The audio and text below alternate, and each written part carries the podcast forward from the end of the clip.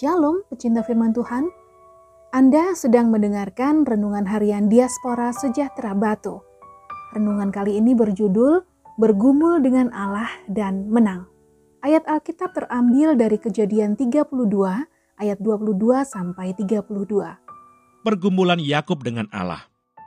Pada malam itu Yakub bangun dan ia membawa kedua istrinya, kedua budaknya perempuan dan kesebelas anaknya, dan menyeberang di tempat penyeberangan sungai Yabok.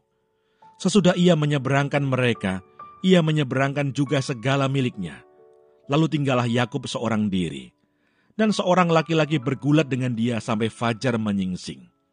Ketika orang itu melihat bahwa ia tidak dapat mengalahkannya, ia memukul sendi pangkal paha Yakub, sehingga sendi pangkal paha itu terpelecok ketika ia bergulat dengan orang itu.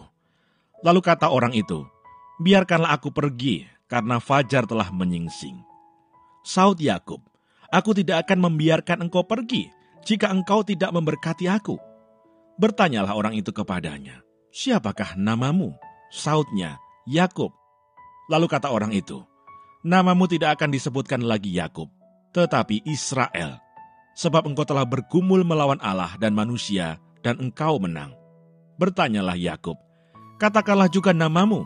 Tetapi sautnya, mengapa engkau menanyakan namaku? Lalu diberkatinya lah Yakub di situ.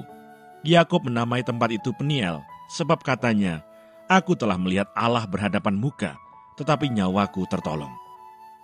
Lalu tampaklah kepadanya matahari terbit ketika ia telah melewati Peniel, dan Yakub pincang karena pangkal pahanya. Itulah sebabnya sampai sekarang orang Israel tidak memakan daging yang menutupi sendi pangkal paha, karena dia telah memukul sendi pangkal paha Yakub pada otot pangkal pahanya.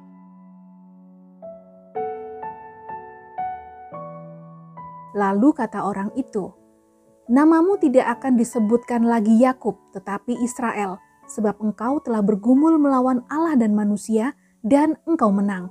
Kejadian 32 ayat 28. Pergumulan Yakub membuahkan hasil, Akhirnya Yakub menerima berkat dari seseorang yang telah bergulat dengan dirinya. Memperoleh berkat Tuhan adalah poin penting bagi kehidupan Yakub, sebab tanpa berkatnya maka dia tidak akan bisa menjalani hari-harinya dan juga menghidupi seluruh keluarganya.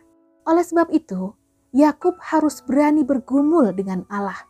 Pergumulan Yakub pada akhirnya membuat namanya berubah menjadi Israel dan keturunannya akan menjadi bangsa besar. Tidak itu saja, bahkan Mesias akan terlahir dari bangsa ini.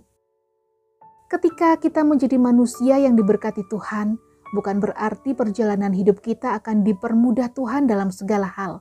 Permasalahan dan kesulitan tetap akan ada, dan bahkan bisa semakin berat. Saat itu terjadi, Allah tidak menghendaki kita lari dari beratnya kenyataan hidup. Allah justru ingin kita menerima dan menjalani proses itu sebuah proses kehidupan yang telah Tuhan tentukan. Di situasi inilah sebenarnya kita sedang bergumul dengan Allah. Jika kita menang, maka kita akan menerima berkat rohani dan kualitas diri kita akan semakin ditingkatkan.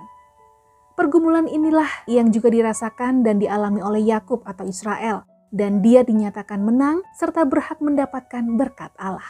Akan tetapi, satu hal yang harus kita ingat: Akhir dari pergumulan ini bukan membuat kita tidak lagi menghadapi masalah dalam hidup, kita jadi berkelebihan dalam hal ekonomi, atau segala keinginan kita selalu dituruti oleh Tuhan.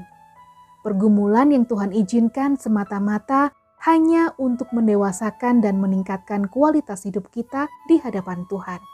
Di sinilah kita akan benar-benar mengerti dan merasakan penyertaan Tuhan dalam hidup kita selama-lamanya.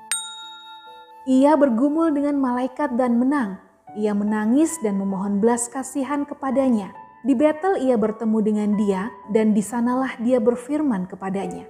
Hosea 12 ayat 5. Tuhan Yesus memberkati.